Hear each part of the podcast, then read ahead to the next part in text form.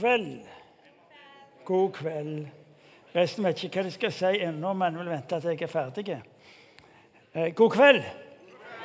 Ja, fantastisk. Hei, Sven. Du er, du er klar til å ta over her? Ja. ja. Fantastisk. Sven er en av mine gode venner. Du um, Har vi det bra? Hva da for? Ah. I like you. Ja, ja, ja, ja. Det er noen som fremdeles sliter med at de har hatt meg på akta, og så har de skjønt hva som er viktig. Du um,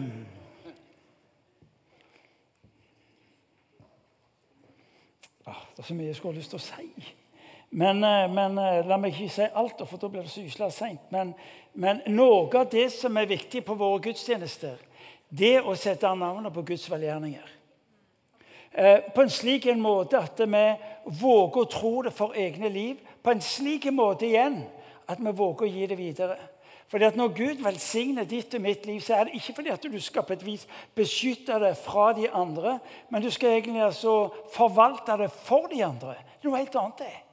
For når du våger å dele om Guds velgjerninger i ditt liv, så setter du i gang en bevegelse. Eh, I min kirke har noe som kalles for helbredelsesrom. Det vil si, hver lørdag fra 10 til 12 så kommer mennesker inn for å bli bedt for for sin livssituasjon. Eh, vi har holdt på med det ca. fire-fem års, fire, års tid. Lenger, ja. Syv, ja. Takk skal dere ha. Tida går. Men noe av det som er fascinerende, det er jo to ting. For det første det er nesten gjennomført alle de som har en opplevelse av å bli møtt av Gud. Uansett. Det, det, det er påtagelig en erfaring av at Gud har sett dem og har møtt dem og har berørt livene deres. Det har vært med ny styrke for fortsatt vandring. Men for mange er det også å erfare at Gud griper inn med helbredelse. Hvorfor ikke alle blir helbredet, folkens, det vet vi ennå ikke. Men, men, på et vis så har vi denne å hvile i det var en som sa det slik at ja, men, eh, er det ikke slik hos dere at hvis ikke alle blir helbredet, så er det fordi de ikke tror nok? Hør, vi er ikke i den gata. Vi er ikke den gata. En sa det slik at når vi ber for syke, og de ikke blir helbredet, så er det tre, tre ting vi gjør, og så er det én ting vi ikke gjør. Og Det er viktig å få tak i dette. fordi det er, det er, så mange som går rundt enten fortvila eller usikre på hvorfor skjedde det og hvorfor skjedde det ikke. Eh, jeg spurte vedkommende hvorfor ble ikke alle, alle helbredet. Og så sa han det er tre ting jeg gjør. Så det er, ting, nei, det er tre ting jeg ikke gjør, og så er det én ting jeg gjør. Takk skal du ha. Det ene jeg gir ikke den syke skylda. Vi vil aldri gi den syke skylda for ikke å bli helbredet. Vi vil heller ikke sjøl ta skylda når vi ber for de syke. Og vi vil heller ikke gi Gud skylda. Det kalles for helgardering. Den er safe.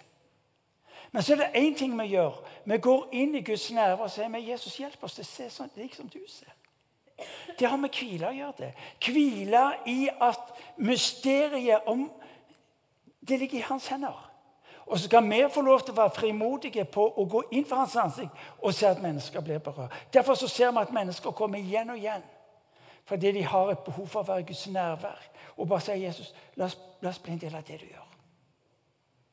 Og på lørdag var det, var det en person som var innom, som, eh, og så skriver rapporten fra helbredelserommet Kvinne kom til helbredelserommet for første gang.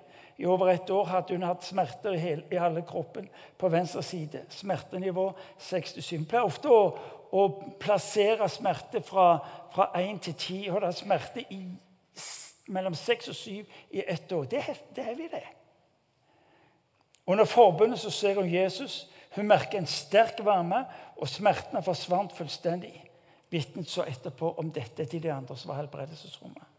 Det, det er en oppmuntring til oss om at Gud er ikke bare en Gud som har oversikten og kontrollerer, men det er en Gud som har steget ned for å berøre mennesker. Halleluja. Og det betyr at Når du hører vitnesbyrdet, så betyr det egentlig Gud vil gjøre det igjen. For når du og meg leser i Bibelen, i evangelieberetningene, så er egentlig evangelieberetningene vitnesbyrd om en Gud som har steget ned, berører menneskers, menneskers liv, slik at du og meg skal få tro på han vil gjøre det igjen. I perspektivet av at vi får være i hans nærvær med våre liv og erfare at han skal fullføre menneske, de menneskers liv som han ser han vil gjøre.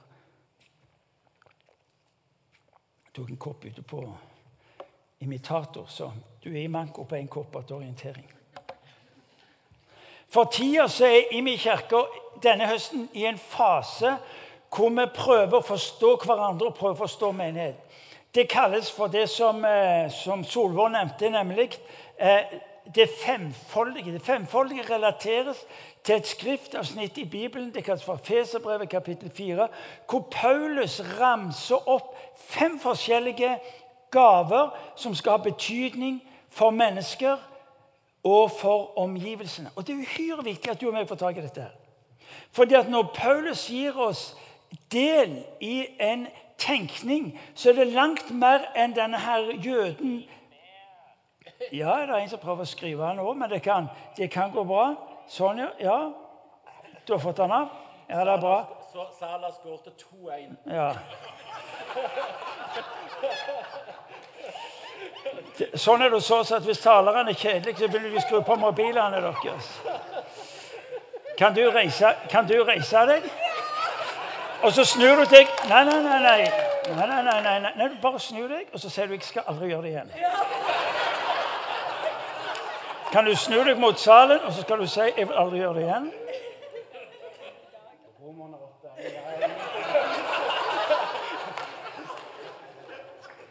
Det er mye, der er mye nåde i staben i meg.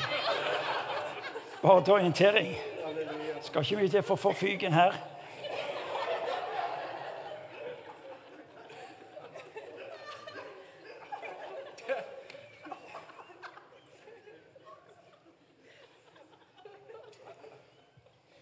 Gud har et ønske med ditt og mitt liv. Vet du hva? Det er at du skal få det maksimale ut av det. Og Hvis jeg spør dere hvem av dere ønsker å få det maksimale ut av livet, så aner det meg at dere alle sammen sier jeg er med. Hvor skal jeg line opp henne? Hvorfor har reklamen slik en enorm makt inn i det vestlige samfunnet? Fordi den lover noe som, som, har med suksess å gjøre, som har noe med å oppnå å gjøre, som har noe med på et vis å nå et punkt i livet hvor jeg sier at nå er jeg på høyden. Vi er i en fase denne høsten hvor fokuset vårt er vi kaller det for kroppsbygging. Kroppsbygging går på å se en kropp samhandle. De ulike delene i kroppen samhandler. Fordi vi vet at hvis ikke, hvis ikke, kroppen får lov til å være sunn i betydning av å samhandle, vet du hva, så er det noe som er sjukt. Når Paulus tar oss inn i et perspektiv av å skulle tenke vekst, modenhet, suksess hva er suksess? Det er at du får lov til å bli det du var tenkt fra Guds eh, tankes side. Det er suksess. Alt det andre er bare glitter. Det forsvinner. Men det å få lov til å tenke meg som suksess ved at jeg skal få lov til å fullføre og være i det Gud har for meg Kjære Gud, for et forskjell. Så i dag så skal du altså få lov til å få et perspektiv av at skal du lykkes, så er du på den ene sida nødt til å være en del av et fellesskap, og på den andre sida er du nødt til å ta på alvor det Gud har gitt deg. To ting.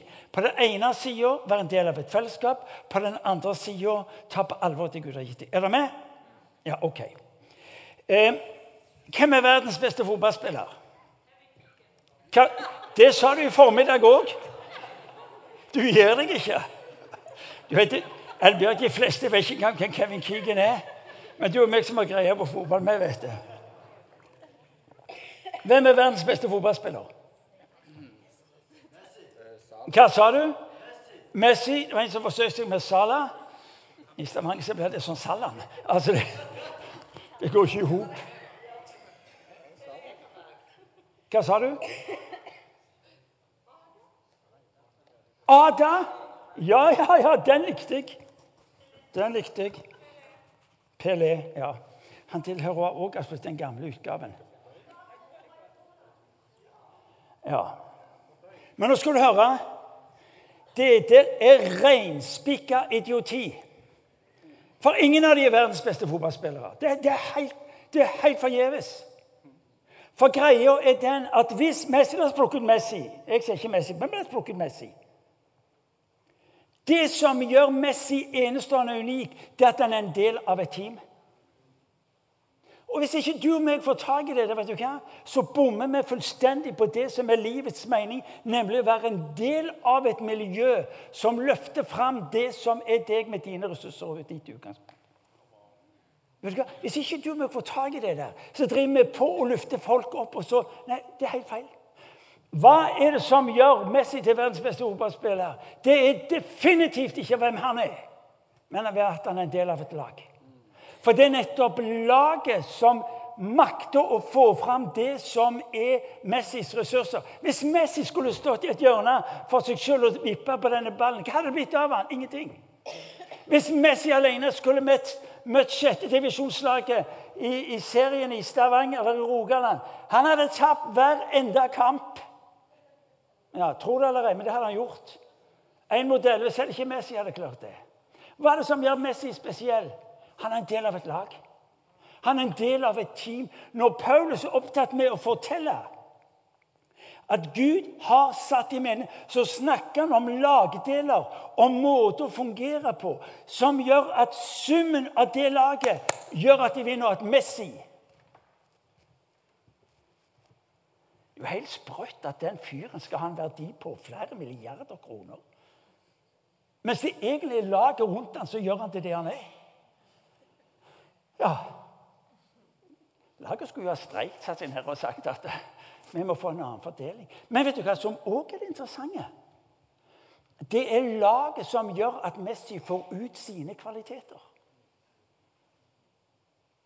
Messi representerer det unike fordi at de folka som er rundt ham, forløser seg i de enkelte miljøer. Hans gaver.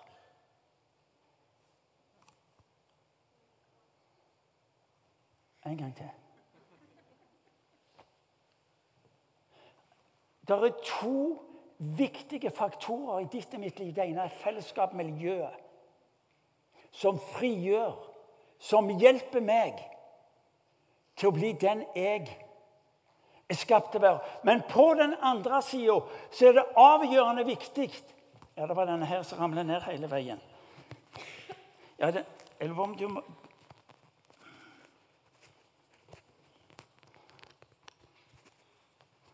For så er det som det, det er ikke så lett å se hva du skal gjøre med det som på nedsida av høyre øre. Men nå kommer redningen min. Det kan være at han er der, men kan dere klappe for ham?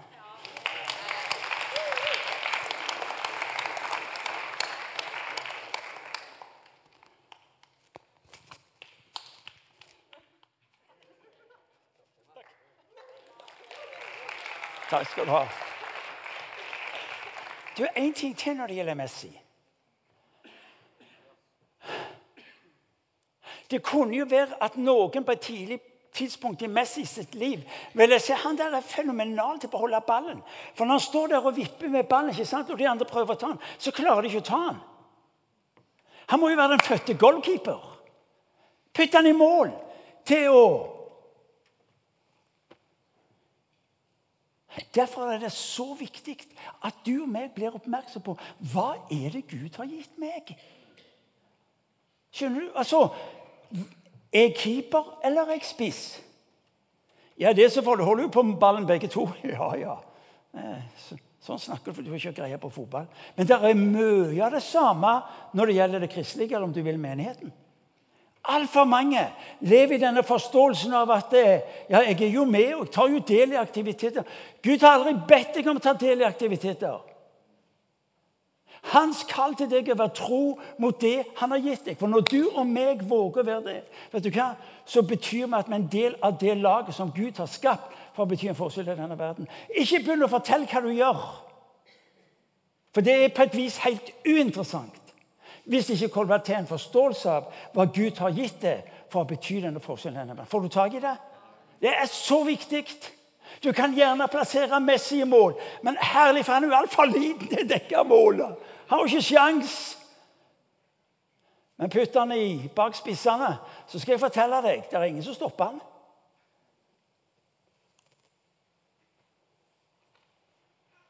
Er det greit så langt? Det er godt du nikker. De andre er ikke helt sikre.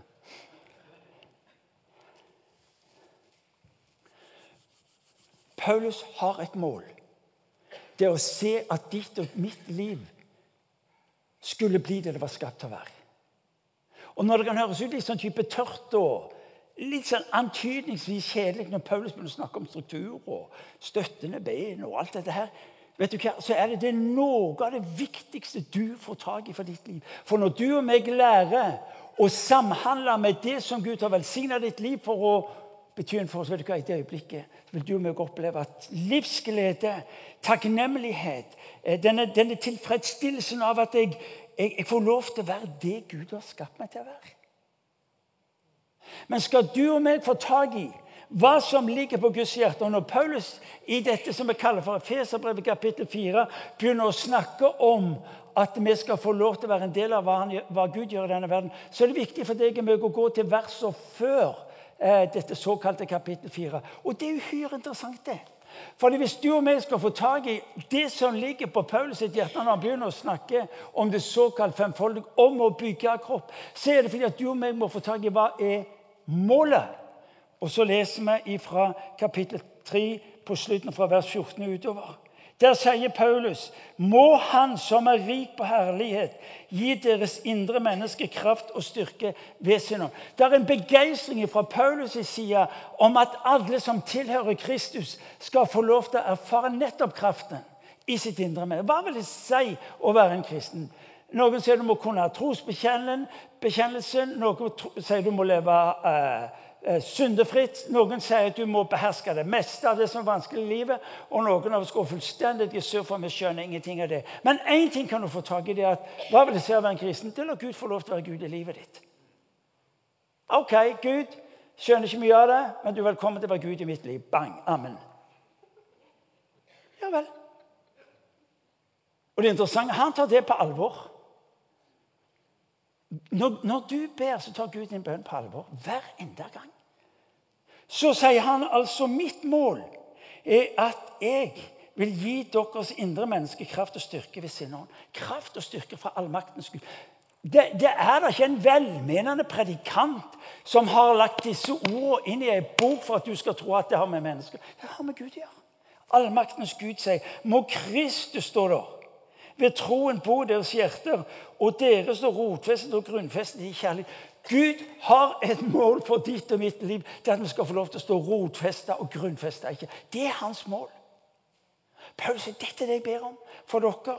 I de neste versene står det må dere sammen med alle de hellige bli i stand til å fatte bredden og lengden, høyden og dybden. Ja, kjenne Kristi kjærlighet Kristi kjærlighet, som overgår all kunnskap, må dere bli fylt av hele Guds fylde. Paulus er begeistra når han ser disse kristne. De er unge som kristne. Så har han ett mål. Det er at de skal erfare hele Guds vilje. Hva betyr det? Alt som Gud representerer, skal være altså livselementet, livserfaringen og det som skal ha betydning for mennesker som ikke kjenner Gud. Det er det han ber om. Har dere bakteppe? Når vi nå skal snakke om For Paulus sier nemlig i kapittel 4, i det neste verset, så sier han derfor, derfor så formaner jeg dere Han har noe for deg og meg som du ikke må gå glipp av. For hvis du går glipp av det, så går du glipp av livet. Jeg har så sier jeg en gang til, Gud sier jeg har aldri bedt deg om å gjøre det som måtte falle deg inn. Jeg har bedt deg om å være en del av det jeg holder på med. Og det er to forskjellige ting. Du og meg er ikke kalt til å gjøre etter så det passer oss. Han har kalt oss til å være med på det han gjør inn i denne verden. For på den måten betyr du en forskjell i folk sine liv. Gud hjelper deg og meg til ikke å drive på å være herrer i eget liv når vi bekjenner Jesus Kristus er Herre. Ja, Det er rimelig tydelig sagt, i hvert fall. Om du er, er enig, det er ikke fullt så interessant for meg. Men for deg er det avgjørende. Paulus er opptatt med Gud har et liv for deg som du ikke må gå glipp av. Derfor Derfor må du høre etter hva jeg sier, sier Paulus. Og Så tar han oss inn i en måte å tenke for livet på som utfordrer, og som nok ikke alltid passer oss. For når vi snakker om kroppsbygger Du ser den ene armen. Nydelig designet. Det er et uttrykk for hele kroppen. Du og meg vet at hvis det som er på denne kroppen, de ulike kroppsdelene, skal få lov til å fungere optimalt, maksimalt mot det som er intensjonen, så er det avhengighet. Ja, såpass mye har dere greie på anatomien. Hvis denne hånda skal få lov til å funke, så er den nødt til å være kobla til en arm. Du er såpass mye med meg. Det, det kaller vi for å være logiske. Ja. Men hvis du tenker nei, jeg vil styre mitt eget liv, jeg vil gjøre det som passer meg, så jeg vil ikke være en del av den der armen lenger, så er det bare et tidsspørsmål for hånda er død.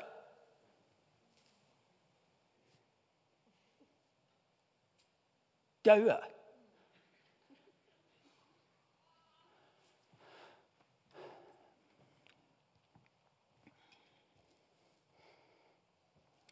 På samme måte som de enkelte kroppsdelene er avhengige av hverandre, vet du hva? så er du og meg avhengige av menigheten, av fellesskapet, for å bli det Gud har tenkt oss til å være. Det er, det er alvoret. For hvis du tror at Gud har frelst deg for at du skal leve solo, så har du misforstått. Hvis du tror Gud har frelst deg, utrusta deg for, betydning i denne verden, og du velger å leve solo, så bommer du. Du dør. Dønn ærlig, folkens. Du dør.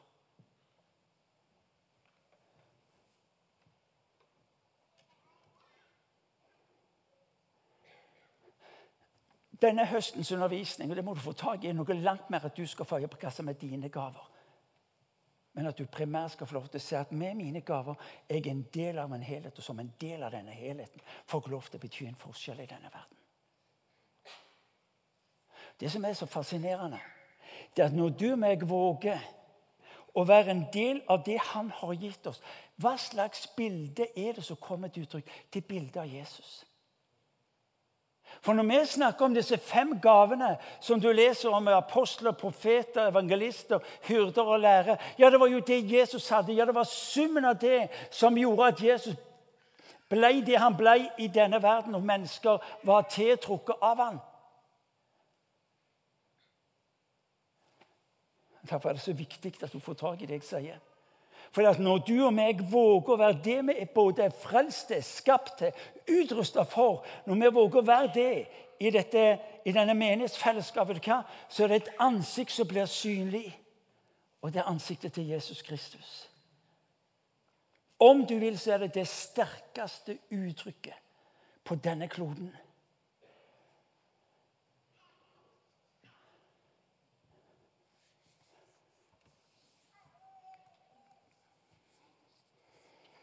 En gang til.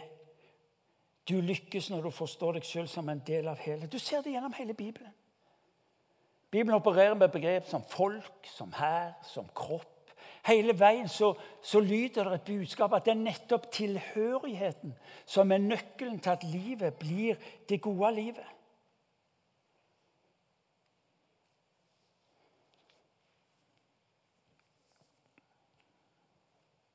Og Det er litt utfordrende for oss.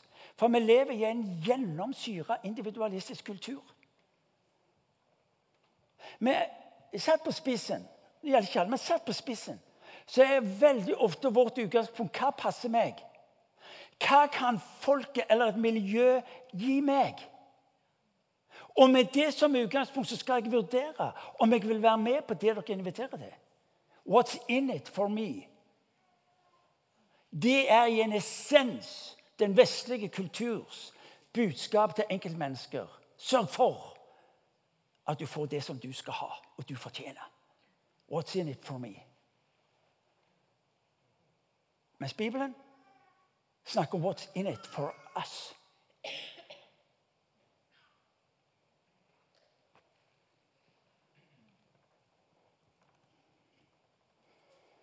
Hva tjener fellesskapet?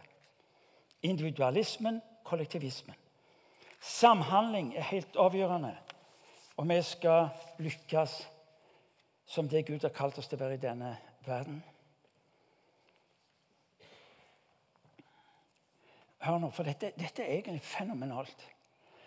Så ofte når vi som menighet og enkeltmennesker definerer på hva vi skal bety der ute, så tar vi utgangspunktet der ute.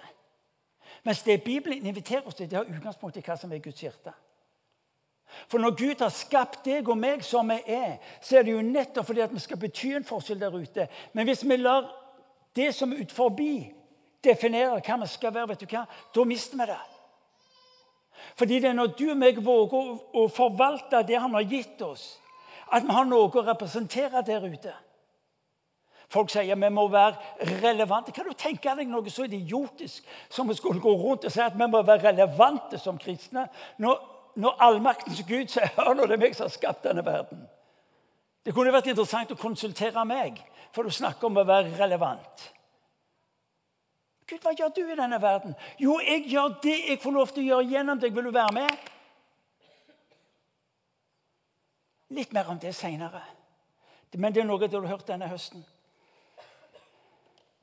Vi må flytte fokuset fra hva gjør vi nå, til hva gjør du, Gud? Ja, men Det er jo det som skjer når du blir oppmerksom på hva slags gave det Gud har gitt deg. Apostel, profet, evangelist, lærer og hyrde.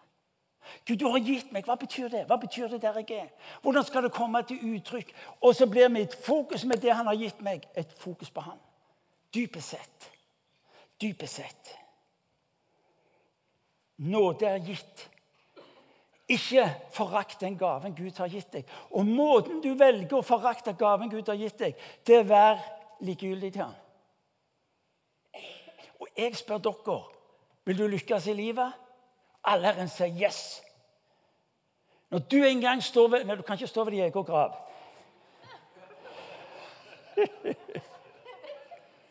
Men når du en gang sannsynligvis er på kanten av den, og du ser deg tilbake, hva er det du vil høre deg sjøl si? Jeg var fantastisk flink på jobben. Tjente grassat med penger hadde betydning. Og så kan du nevne alle de ulike tingene du var med på osv. Gud aldri spør deg om det. Gud spør hva gjør du med det jeg ga deg. Og Da vil han spørre hva gjør du med den gaven jeg ga deg, som skulle ha betydning for et fellesskap som hadde betydning ut i denne verden. Kom inn, står det i Korinterbrevet når, når, eh, når eh, Gud ønsker oss velkommen. Kom inn, du gode og tro tjener gode og tro tjener. Tro mot hva? Mot det jeg har gitt deg. Det er gyselig viktig. Gysla viktig.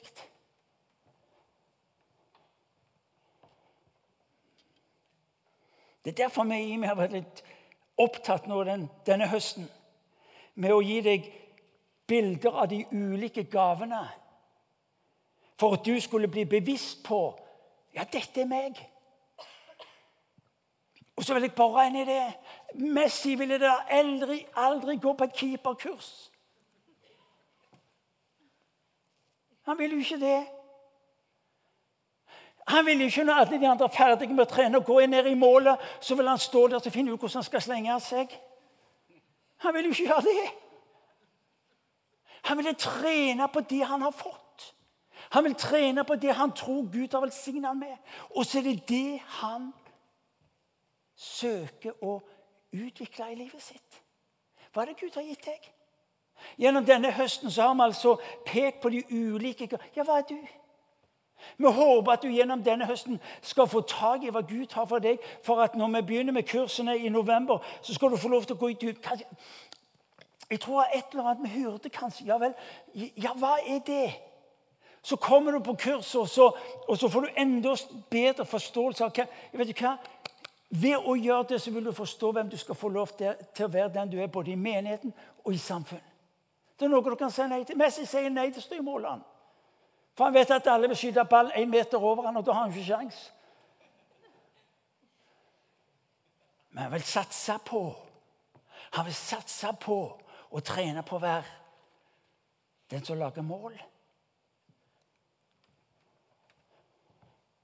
Forkynnelsen i høst samtalen i huskirkene, testen som vi har, som har gitt ut, som skal hjelpe til oversikt på eget liv. Hør nå. Sørg for å lære om Messi. For den har sagt Paulus. Til å gå inn i det han har for deg. Det er avgjørende viktig at du forstår hvem du er. Jeg ønsker ikke at du skal se på slutten av ditt liv. Jeg var med på mye, og det var meningsfullt. Jeg vet ikke Det er ikke den bekjennelsen jeg håper du ender opp med. Håper du ender opp med. Paulus sier 'jeg er tro', sier han. Mot det himmelske. Paulus var tro mot det han opplevde at Gud hadde gitt ham. Paulus var ikke opptatt med hvor mange tusen han hadde nådd med evangeliet. Paulus var ikke opptatt av hvor mange han hadde helbredet. Paulus var ikke opptatt med alle disse andre ting. Han var opptatt med én ting. Han var tro mot det Gud hadde gitt meg. Og det er det du kalles til å gjøre. Hvem er du? Hva er det du har? Så skal vi i dag bruke litt tid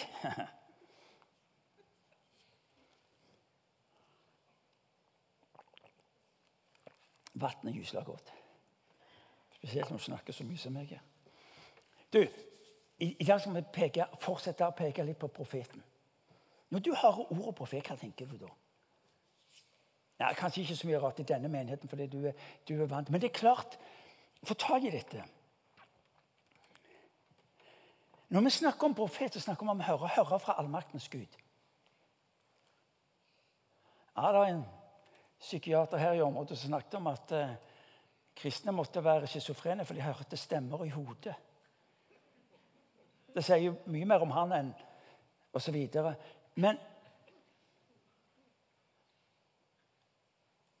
Hva vil det? Det betyr å høre fra Gud. Ja, ja, han taler. Tenk den tanken. Allmaktens Gud taler til enkeltmennesker.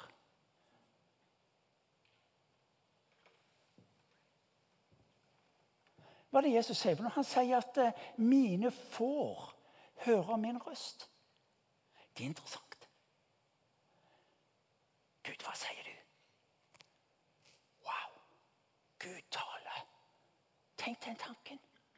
Du er i en vanskelig situasjon. sier Gud, hva sier du? Hva ser du? Hva sier du? Jeg er enig at du og meg kan gi svar på fem sekunder, men, men, det er godt mulig at det tar litt tid, for du trenger å trene opp dette øret. Så skjønner jeg kjente inn på profeten. Profeten har store ører. Hva jeg kjente inn på profeten? Han har store ører. Så virker det som han har svære ører. Men kjente inn på profeten det at han har et hjerte som brenner etter å høre hva Gud sier, slik at det har betydning for menighet, for samfunn og for enkeltmennesker. Lille meg, lille deg, hører Guds stemme. Noen sier ja, men det Nå må du ikke presse dette, Martin, for du skal ha Guds ord. Ja, Guds ord taler. Det er fundamentet vårt. Men du leser igjen og igjen i det bibelske vitnesbyrdet. I Lukas evangeliet kapittel 4 så står det at Jesus leste ifra skriftene. Fra, det står fra rullene. står der. Og så leste han ifra Jesajas boka. Og når han hadde lest, så står det Og så sa han. Det er en eller annen type frykt som er bygd opp om at vi må, vi må ikke legge noe til Guds ord. Ja, men vet du hva? Da må vi slutte med forkynnelsen rundt forbi. Da må det være ferdig med alle prekene rundt forbi. For hvis vi skal slutte å legge noe til, så må vi slutte å preike. Da må det være opplesning av Skriftene. Punktum. Finale. Ferdig. For vi vil da tro at han som taler, taler ut ifra Guds ord. Ja, men det er like mye som å snakke om det profetiske. Er dere med? Ja, gyselig viktig. Fordi noen har forsøkt å skape en spenning. Når vi ser i det bibelske vitnesbyrdet om hvordan Gud handler inn i mennesker sitt liv, hvor avgjørende viktig det er. Les i Apostelens hjerne kapittel 9 om en Ananias som en dag får beskjed Gud taler til Ananias. De har ikke engang Bibelen. Men Gud taler til Ananias og sier han, du skal gå til gata den rette. Der skal du finne en mann som heter Saulus. Han ber. Hva om Ananias hadde sagt vet du hva, dette er fullstendig skrudd? Hva om han hadde sagt vet du hva, dette her er å opptre, på egen hånd? Jeg kan da ikke gå rundt og tro at Gud virkelig taler til meg. Ja, Hvis, hvis Ananias hadde konkludert som svært mange kristne gjør, vet du hva, så hadde ikke evangeliet nådd Lille Asia. Og vi vet heller ikke om det har nådd Italia, Roma og videre nordover til Norge. Det er mennesker der ute som venter på at du skal våge å være tro med at Gud bruker deg til å gi ut av ord. Er, er dere med? Få med dette her, for det er så viktig. Mennesker har ikke sagt nei til Gud. De har bare så liten tro på at Gud ser de og har overskudd anledning til å skulle si noe til dem. Så Det betyr jo at når du og meg våger å være tro mot det Gud har gitt oss, så er det fordi at mennesker rundt oss skal få lov for å rett og slett erfare at han bringer håp. Du skjønner at Det, det profetiske representerer håp. Det representerer tro, det representerer oppmuntring. Det representerer denne her. Så er ikke livet fullstendig låst. Det profetiske representerer tro og håp på en helt spesiell måte. Helt spesiell måte. Fordi folk våger å tro at Gud har sett dem. Når min gode venn eh, eh, var innom helbredelsesrommet her for noen år tilbake. ikke så lenge. Han, hatt, han har en sykdom, og så sier du kan jo gå på helbredelsesrommet. Så han ja, kan ikke skade. Så han gikk. Så gikk han på helbredelsesrommet, og så og så kom han tilbake en uke etterpå og banka på døra og sa du ikke vært på helbredelsesrommet. Ok, ja, hvordan var det? Ja, helt spesielt. Jo, jeg ble litt bedre. Men du, de hadde noe sånn profetigreier. Ja, hvordan var det, da, sier jeg. Nei, det kan jo være en tilfeldighet. Jo, jo, sier jeg. Men hvordan var det? Nei, alt de sa, var jo rett.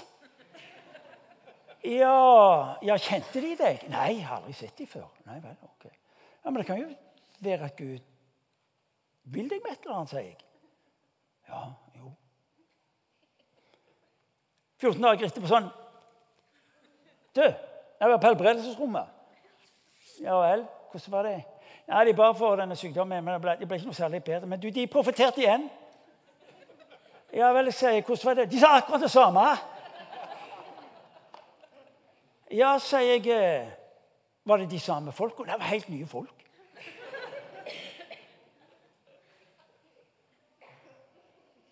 Ja, Kan det tenkes at Gud vil se deg noe, sier jeg. Hva betyr det for deg? Jeg opplever som, som at Gud ser meg.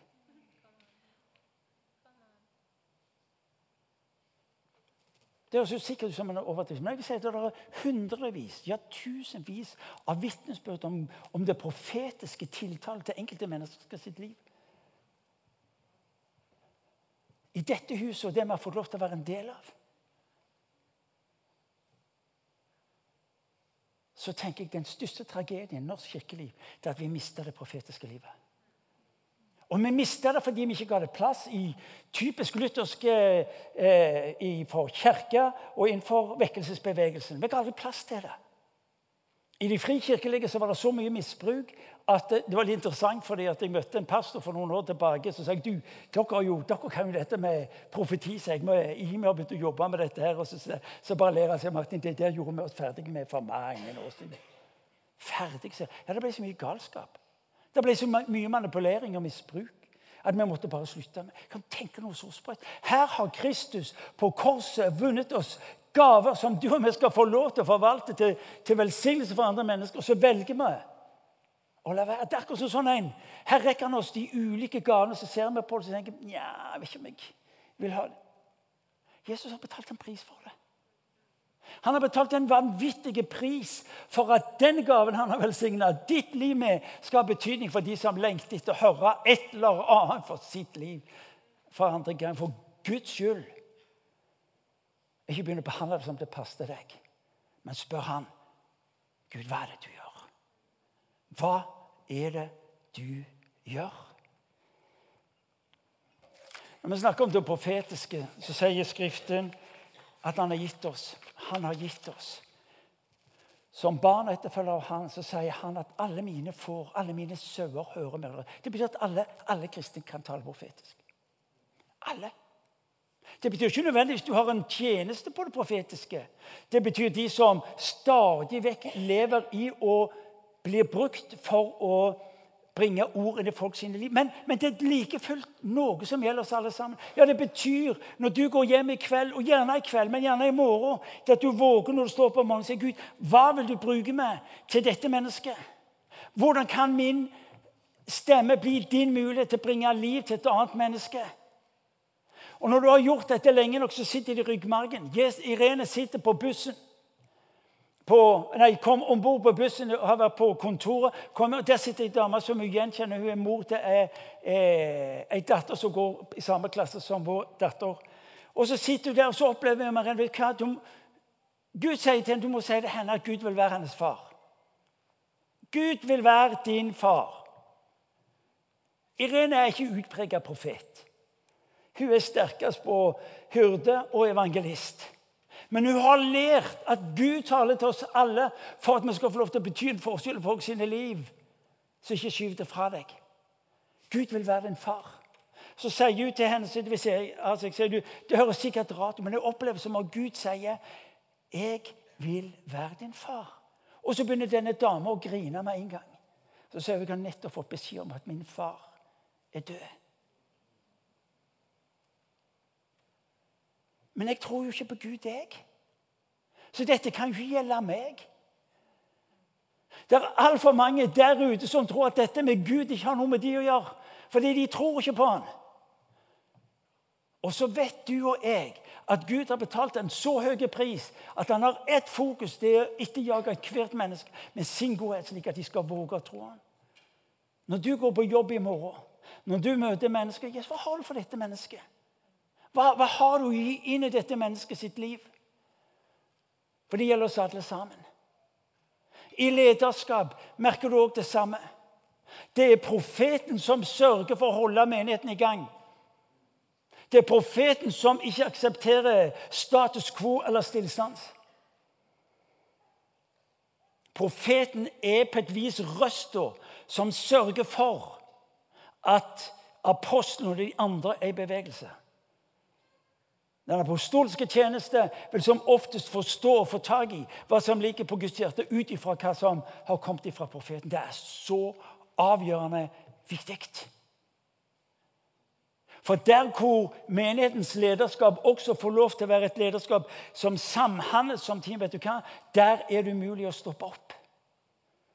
Så du som sitter med disse ulike Neste søndag skal vi ha undervisning om den apostoliske tjeneste. Sørg for å komme og vi har dekka alle fem. Men det er viktig for deg å få tak i at eh, den profetiske gaven er uhyre viktig. Da vi IMI for god del en 10-12 og 15 år siden var i en eh, alvorlig økonomisk situasjon Og jeg sier, 'Kjære Gud, hva gjør vi nå?' Vi kan ikke begynne å mase mer på medlemmene. Og så sier han, 'Gi ut alle gavene deres'. Du må ikke tro at når Gud taler til deg om det profetiske, at det er sånn 'Å, det var det jeg tenkte'. Ja, det var det, var det jeg håpte på. Det er jo ikke det. Nå jeg i august måned for 10-15 år siden er i bønn, så sier jeg, 'Gud, hva i all verden hva i all verden gjør du nå? Vi vet ikke hva som skal skje.' Vi hadde et grassat underskudd. Og så sier han, 'Gi vekk alle gavene deres.' Så tenker jeg, hør nå. Dette er ikke en sunn økonomisk drift av virksomheten her på huset. Er du enig? Vi har store økonomiske problemer. Hvordan skal vi løse det? Nei, Vi gir vekk alle inntektene. Og du hører sa, Kom an! Bare til forståelse. IMI mottar gaver på to plan. Det ene er givertjeneste, og så er det det som kommer inn på, på gudstjeneste gjennom kollekter og gaver. Jeg går til styret og sier vet du jeg tror Gud kaller oss til å gi vekk alle pengene våre. Alt det vi tar på søndag. Styret så på meg, og de tenkte nå, nå har han bekrefta det.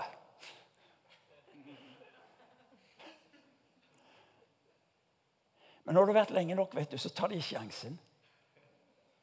Så er de OK. Fra det øyeblikket vet du hva, så tripla vi alle inntekter på gudstjenestene våre.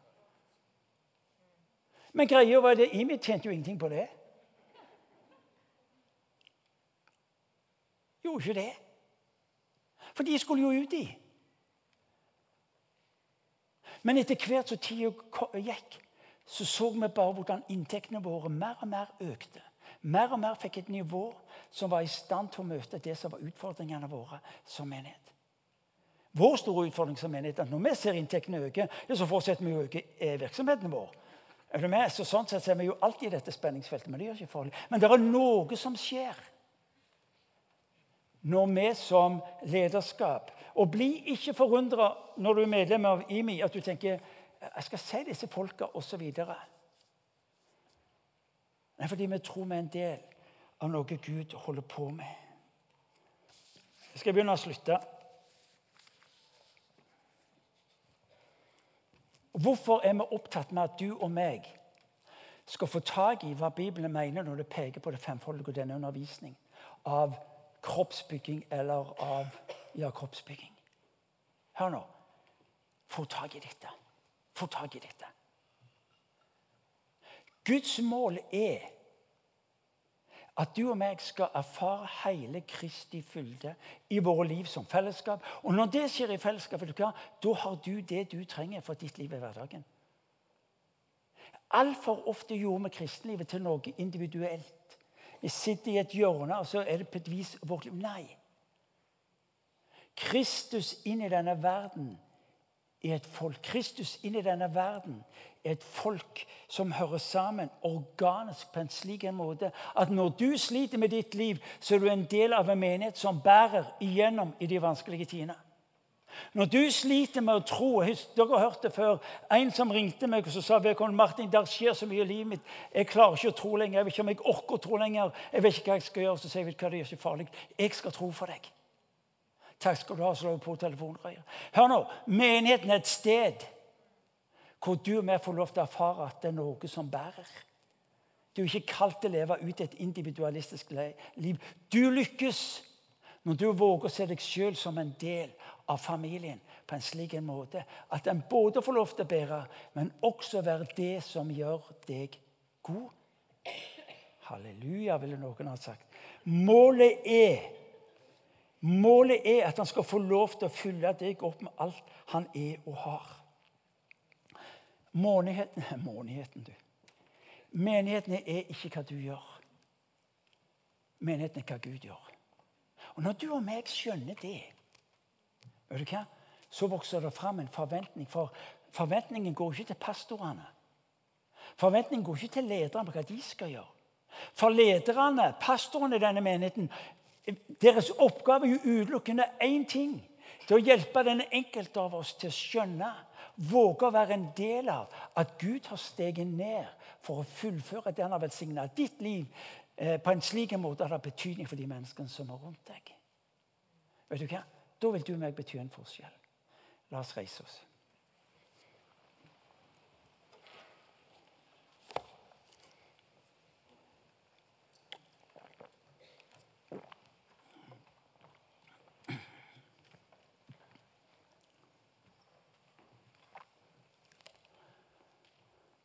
Kanskje du ser på Martin, du var litt intens i kveld.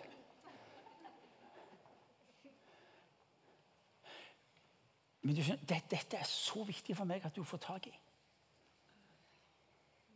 For det er altfor mange kristne som går gjennom livet som individualister, og som går, går glipp av det Gud har fått dem. Det er faktum, folkens. Hvis ikke Messi hadde blitt sett, blitt en del av et lag, ville han aldri ha blitt det han blei. Når, når du med oss opplever å få lov til å tro på Jesus Kristus, erfare at han tilgir oss våre synder, alle våre synder, alle slags synder, og så få lov til å gå sammen med han, sammen med hans familie, så er jeg i sentrum av det jeg trenger for å bety denne forskjellen i denne verden. Du må ikke miste det. Du må ikke miste det. Og jeg gjentar når du kommer hjem til himmelen en gang, så la seg ikke imponere av alt det du fant på. Men han spør deg vil du være tro mot det jeg ga deg. For å være tro mot det jeg ga deg, vil du være en del av det laget som betyr den forskjell som gjør at denne verden ser mitt ansikt. Og det er det den lengter etter. Våre religiøse krumspring gjør Det er det minst interessante for dem. Men når du og meg våger å samhandle, som jeg snakker om, så vil Jesu ansikt bli synlig, og folk vil begynne å stille nye spørsmål. Folka vil ikke ha våre svar. Men hvis våre liv kan skape spørsmål, vet du hva? da tar vi dem på en vandring. Hvor nettopp erfaringen av et folk gjør at stadig flere vil våge å bli en del av det livet han rekker oss. To konkrete utfordringer. Det ene er Jeg kunne ha sagt hvor mange av dere ønsker å høre mer av Guds stemme. Det, det er selvsagt. Det, det, er det mest interessante, minst interessante. Men hvor mange av dere vil høre mer av Guds stemme som dere vil gi videre til andre mennesker? Det er den ene bønnen. Herre, hjelp meg til å høre din stemme slik at det har betydning for menneskene rundt meg. Hjelp meg til å være tålmodig. det. Er det første jeg vil be om. Hvis du bare vil høre Guds stemme for ditt liv, så, så er det ikke interessant. Da kan du bare lukke døra. Fordi det kryr av mennesker i dette området som lengter etter De har aldri sagt det. Men se på livet deres, der de jager og leter og prøver å finne en orden på livet sitt. Hva er, det, hva er det for noe annet enn et rop etter noe som hjelper dem til retning? Og så vil jeg be for dere som kanskje begynner å, å gjenkjenne Er det deg? Er det deg? Ta det på alvor. Ikke være en Messi som ender opp som keeper i et eller annet bur. Men sørg for å være tro mot det du ser Gud har gjort i ditt liv.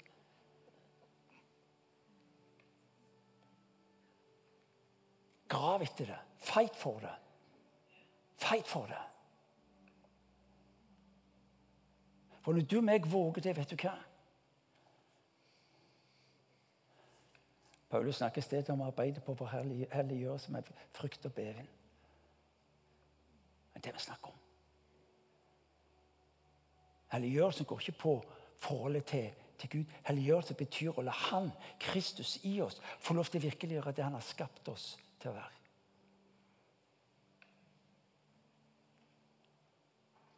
La oss be. Hellige Ånd, takk fordi du er her mellom oss.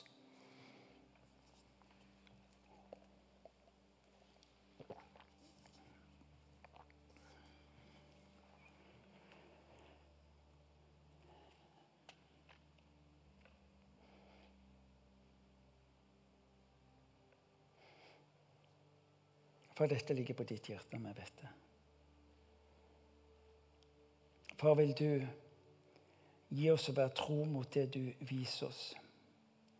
Vil du hjelpe oss til å være tro, Herre Jesus, mot det du har gitt oss, slik at ditt navn herliggjøres, og at mennesker erfarer at du har steget ned og berør. Far, vi ber om det i ditt navn.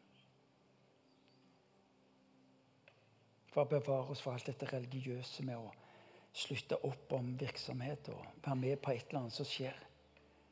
Far, gjør det umulig for oss ikke å være tro mot det du viser oss å være. Så nå, Herre, ber jeg ber for den enkelte av oss som er her inne i kveld. Vi snakker om det profetiske. Jeg har utfordra, og jeg utfordrer dere som er i salen nå. Du som kjenner jeg trenger til å høre deg bedre. Hjelp meg til å prioritere. Hjelp meg til å øve og trene. La meg få lov, Gud, til å La meg Gud få lov til å høre, slik at det kan bety en forskjell for menneskene rundt meg.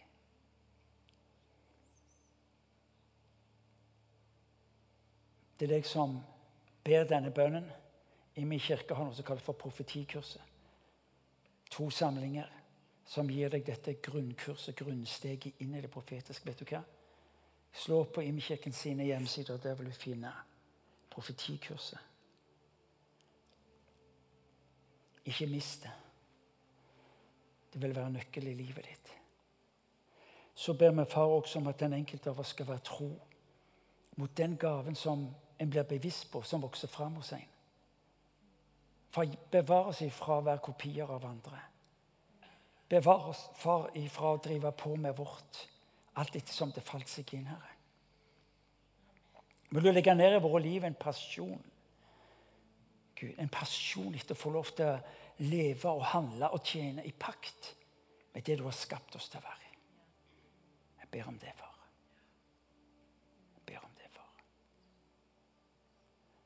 Jesus, du har betalt en altfor høy pris til at vi skal skalte og valte med det du har gitt oss. Hvor tilfeldighetens lov får lov til å styre oss. Far, vi ber om å vokse i nåde og kjennskap, slik at alt det livet som du vant oss på korset, skal fullføres i våre liv, hele Kristi fylde. Men også på en slik måte at denne verden skjønner at du er Gud, at du er god. Far, vi ber om det i ditt navn. Lovet være du, Jesus. Amen.